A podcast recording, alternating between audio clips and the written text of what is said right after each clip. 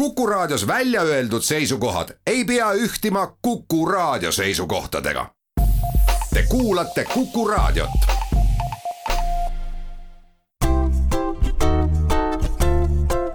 patsiendiminutid, Patsiendiminutid toob teieni Eesti Patsientide Liit tere, head Kuku kuulajad! mina olen Kadri Tammepuu ja täna me räägime probiootikumidest, kuivõrd nad on kasulikud just nimelt tervena püsimisel mul on hea meel, et meil on teisel pool liinil meditsiini biokeemik, Tartu Ülikooli professor ja teadlane Mihkel Silmer, tervist, Mihkel! tere, tere! meie oleme sinuga ikka endiselt sina peal ja sellepärast räägime ka saates täna sina ja isegi pärast neid saateid, mida me räägime, oleme me sina peal. väga tore. võib-olla alustamegi tead sellest, et äh, tuletame kuulajale meelde, mis asjad on probiootikumid? see on väga hea mõte, sest algul on alati vaja saada teada, millest räägitakse. ma natuke paar sõna ütlen veel laiemalt. vaat meil on väga oluline, et meil seedetraktis see mikrobiaalne seisund oleks võimalikult nii-öelda optimaalne.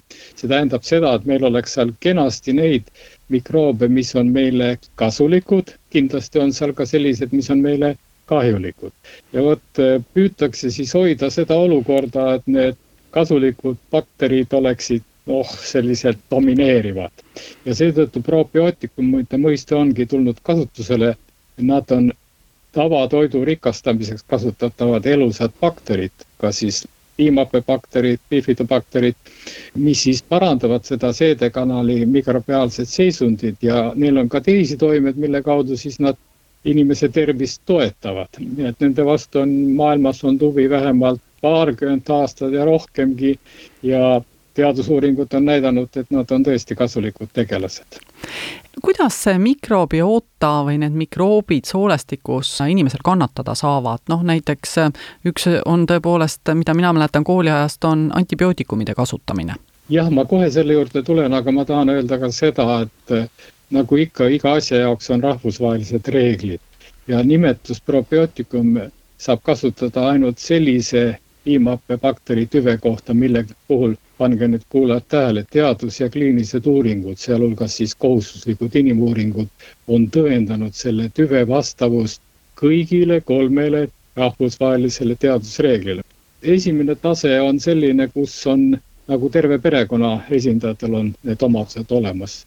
muuseas, seal on väga oluline see faktor, et ta peab pärinema inimorganismist nüüd edasi ta peab olema soodsa toimega see ja, ja ohutu selles annuses, mis teda kasutatakse ta on nagu üldised toimed, mis on kõikidel tüvedel näiteks olemas lactobacillus fermentumi perekonnast, kuni lihtsalt öeldes. nüüd teine tase on märksa kõrgem, seal on juba spetsiifilisemad omadused, mis perekonna kõikidel liikidel ei ole. no ma hoian raadioaega kokku, ma ei hakka rääkima, mis need on. Ja siis on veel vajalik kolmas tase, need on tüve spetsiifilised eriomadused. Ja nota bene, need on tõestatud vaid mõnel üksikul tüvel nii et probiootikumiks saab nimetada ainult seda tüve, mis vastab kõikidele nendele kolmele tasemele. näiteks tal on biorelevantne või bioloogiliselt oluline antioksidatiivne toime, ta vähendab kolesterooli taset ja nii edasi. ma kordan, neid on ainult üksikuid. aga nüüd tulles sinu küsimuse juurde, tõepoolest, et kui küsida, et aga miks siis peab selliseid asju rikastama tänapäeva toitu? noh, juba sa nimetasid antibiootikumide kasutamine ju teeb selle mikrofloora või noh, mikrobioota, kuidas me seda praegu ei nimetaks, teeb siis selle ühekülgsemaks, vananemine, ebatervislik söömine, ravimite tarbimine, sealhulgas ka stress ja nii edasi. Neid faktoreid on palju ja üks kindlasti väga kõva tegija selles tasakaalu häirimises on antibiootikumid. mida siis siiski ette võtta võiks? mõnikord lihtsalt seedimine ka tõrgub, näiteks kõht on lahti, kõht on kinni, on siis inimene olnud hiljuti haige, kasutanud ravimeid. mina mäletan, vanaema kodus soovitas enda hapendatud kapsast süüa, et ähm, aitab hästi, teeb seedimise korda. mis sina selle kohta ütled? mina ütlen selle kohta tõtt ja ainult tõtt. vanaemal on, on absoluutselt õigus, sellepärast et fermenteeritud, noh, ütleme siis teises keeles hapendatud tooted on kahtlemata väga mõistlikud ja selliste asjade apendamisel nagu kapsas ja nii edasi, ka seal on selliseid noh, nii-öelda kasulikke tüvesid. ainult mis viga on nüüd selle asja juures, mitte et vanaema oleks eksinud, nende kontsentratsioon kui me sööme seda kapsast, on niivõrd väike, et, et see ei suuda eriliselt midagi lisaväärtust anda. ja vot seepärast ongi tänapäeval aru saadud, et mõistlik oleks teatud tooteid rikastada sellisele tasemele, kus nad meile ka ikkagi tervise soodsalt toimivad. no kui palju on seda kapsast siis tegelikult sööma peaks, et äh, annaks äh, ühe tavalise tableti mõõdu välja, kui, kui üldse saab võrrelda? ei, seda üldse ei saa võrrelda, selle kohta võiks naljaga pooleks öelda, et noh, vähemalt kolm ämbrit. aga sellist võrdlust ei tasu teha, sellepärast et esiteks sõltub see, kui kaua on hapendatud ja nii edasi. ja kindlasti ei saa sellist tervisele probiootilises mõttes toimivat efekti sealt kindlasti, aga no ma kordan, ta on kasulik. kui on toode rikastatud, noh, ütleme keefir sisaldab näiteks helluse keefir, siis seal on selge, et kui inimene joob klaasi keefiri, siis ta saab selleks toimeks vajaliku annuse kätte, see peab olema teaduslikult tõestatud ja see ongi teaduslikult tõestatud väga paljud kuulajad ilmselt teavad, et äh, sina oled üks inimene, kes on selle taga, et Eestis on oma probiootikum või oma piimhappebakter ME3 ja, ja kui sa nimetasid Elluse keefiri, siis äh, ME3-ga ongi see keefir rikastatud. mida see ME3 siis head teeb? jah, ma kohe nüüd ka räägin sellest, aga ma räägin veel paar väga olulist asja kui nüüd on mõni rikastatud toode ja, ja mina väga soovitan neid tarbida, sellepärast et me ei jõua üles lugeda kõiki neid faktoreid, mis seda mikrofloora koosseisu nii-öelda teevad vaeseks. teine, mida tasuks aru saada, on see, et seedetrakti kaudu reguleeritakse väga suurt osa meie organismi immuunsüsteemist, nii et selles mõttes peaks see mikrofloora mikrobioota selline koosseis olema võimalikult hea. kolmandana ma tahaks öelda seda, et ärge head inimesed tarbige probiotist toodet niimoodi, et täna sööte või joote seda, kasutate, homme võtate midagi muud. sellest ei ole loomulikult midagi kahju teile, aga kasulikku sealt ei tule, sellepärast et kui on nüüd toode rikastatud, siis peaks seda tarbima vähemalt kaks-kolm nädalat järjest, sellepärast et toredad mikroobid jõuavad seedetrakti, nad peavad hõivama seal teatud positsioonid. Need positsioonid, mis on nende poolt hõivatud, sinna kahjulikud mikroobid tulla ei saa ja siis hakkavad nad kenasti tööle, nii et selles mõttes ikkagi selline kestev kasutamine. aga kui sa küsisid juba selle ME3 kohta, siis võiks öelda niimoodi, et tõepoolest koos Tartu Ülikooli mikrobioloogidega oleme me, me siis sellise asja kunagi leidnud ja juhin tähelepanu, et ta on juba üle seitsmeteistkümne aasta toidutoodetes Eestis, noh, põhiliselt keefiris, nüüd ka kapslites ja teaduslike uuringutega, ma väga toonitan, need on täpselt samasugusel tasemel tehtud nagu ravimiuuringud. ta langetab LDL-i kolesterooli, noh, rahvasuus öeldakse halb kolesterool ja tõstab ADL-i kolesterooli, mis on siis hea kolesterool. muuseas, ta langetab ka oksüdeeritud LDL-i, mis on väga tõsine marker, mida tavaliselt ei uurita.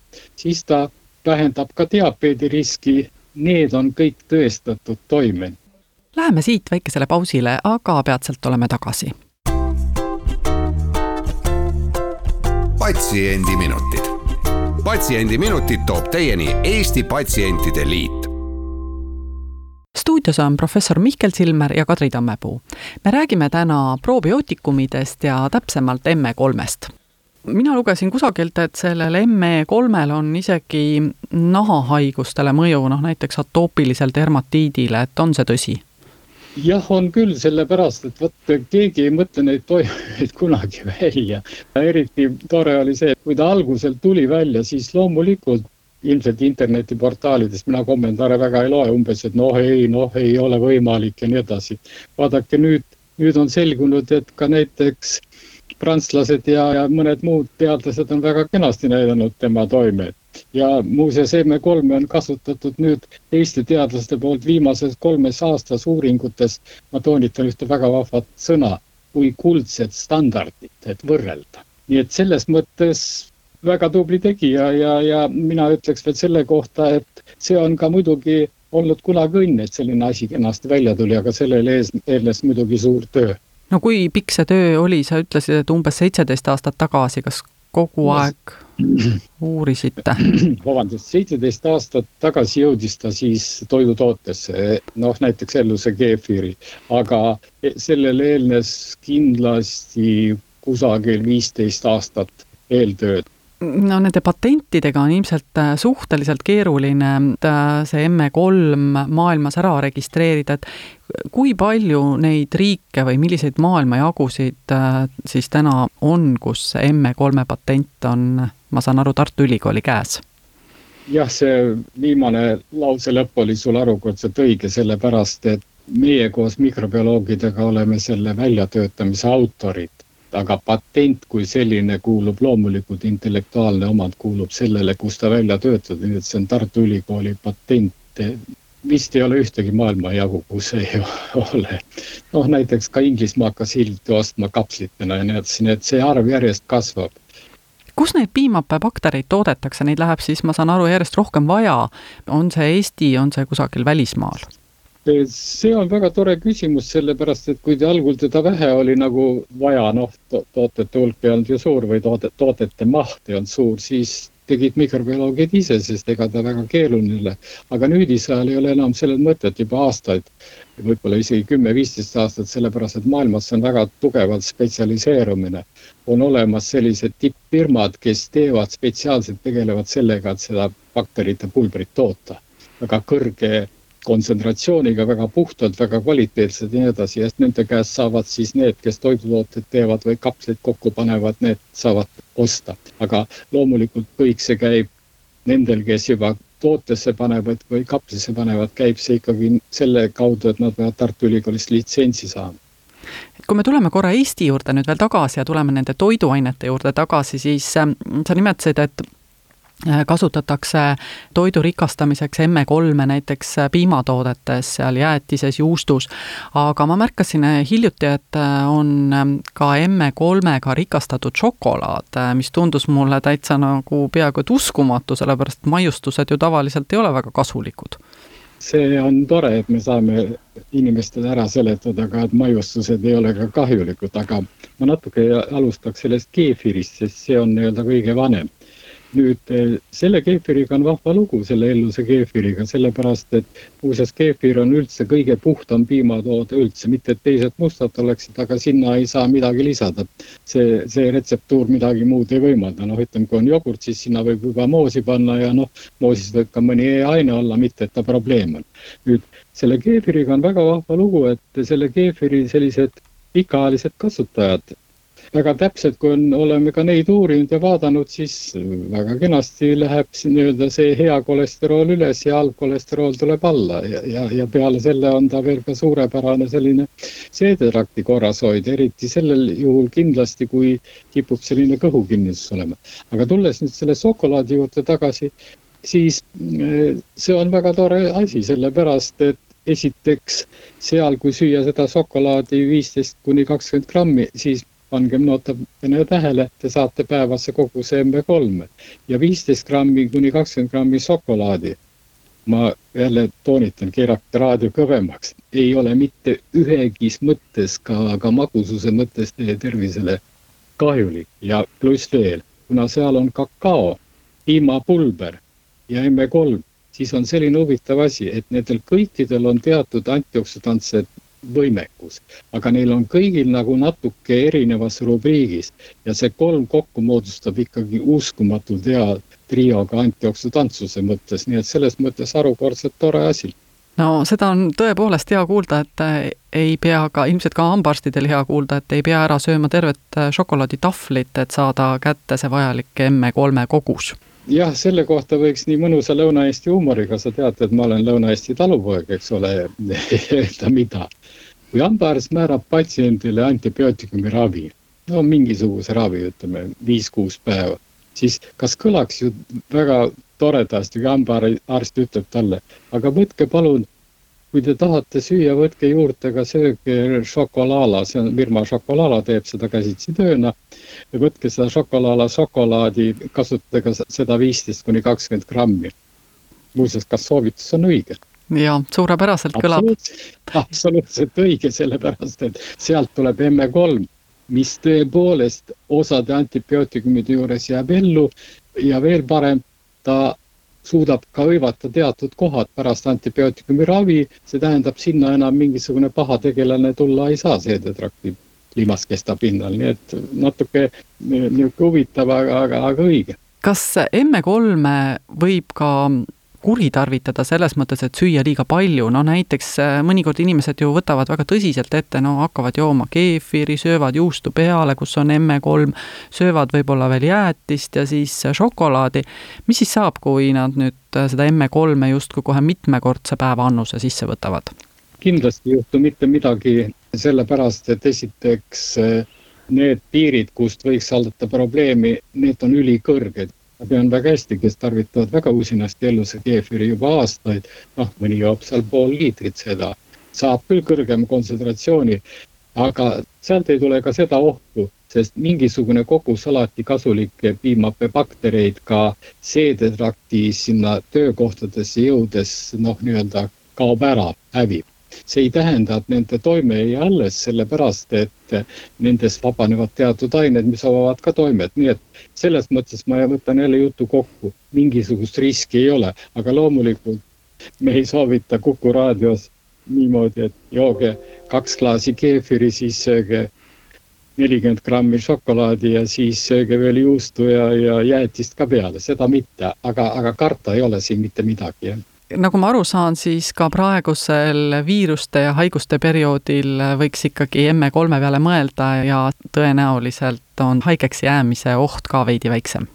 jah, täiesti kindlasti, sellepärast et noh, küsimus ei ole sina oled emme3-s, ma ütleks, et tulen tagasi ka, kui sa ütlesid, et hapukapsas sobib ka süüa meil on nagu sellistes keerulistes olukordades, kus meil peale viiruste, noh, ründavad ka ju igasugused bakterid, väga mõistlik, et meie seedetrakti mikrofloora oleks võimalikult hästi balansseeritud. sest vaadake, kui ta on hästi balansseeritud, siis nende vahel ja meie keharakkude vahel käib, noh, inglise keeles öeldakse crosstalk, käib selline vestlus. ja, ja mida parem on see koosseis, seda parem see vestlus on, seda võimekam on meie organism ka nendes keerulistes tingimustes hakkama saada. jah, siin on veel ainult üks asi vaja öelda juurde. et eh, vaadake, need probiootikumid, mida me saame siis ütleme rikastatud toidust, need vajavad teatud oma söögikraami Nad muidugi pisut söövad ka neid toitaineid, mida meil toiduga tuleb, aga nende jaoks parim söögikraam on kiudained.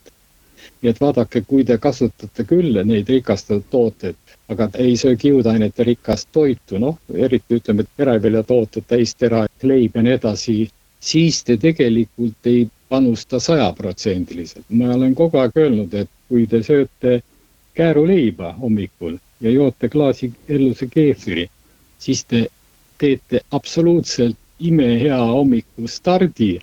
kusjuures nota bene, pange tähele, see kõik kokku on imeodav see kõlab küll väga hästi. aga suur aitäh, Mihkel Silmer, Tartu Ülikooli meditsiini biokeemia professor, täna meile emme3-st ja probiootikumidest rääkimast. küsimusi küsis Kadri Tammepuu, kuulmiseni taas nädala pärast ja seniks olgem terved patsiendiminutid. patsiendiminutid toob teieni Eesti Patsientide Liit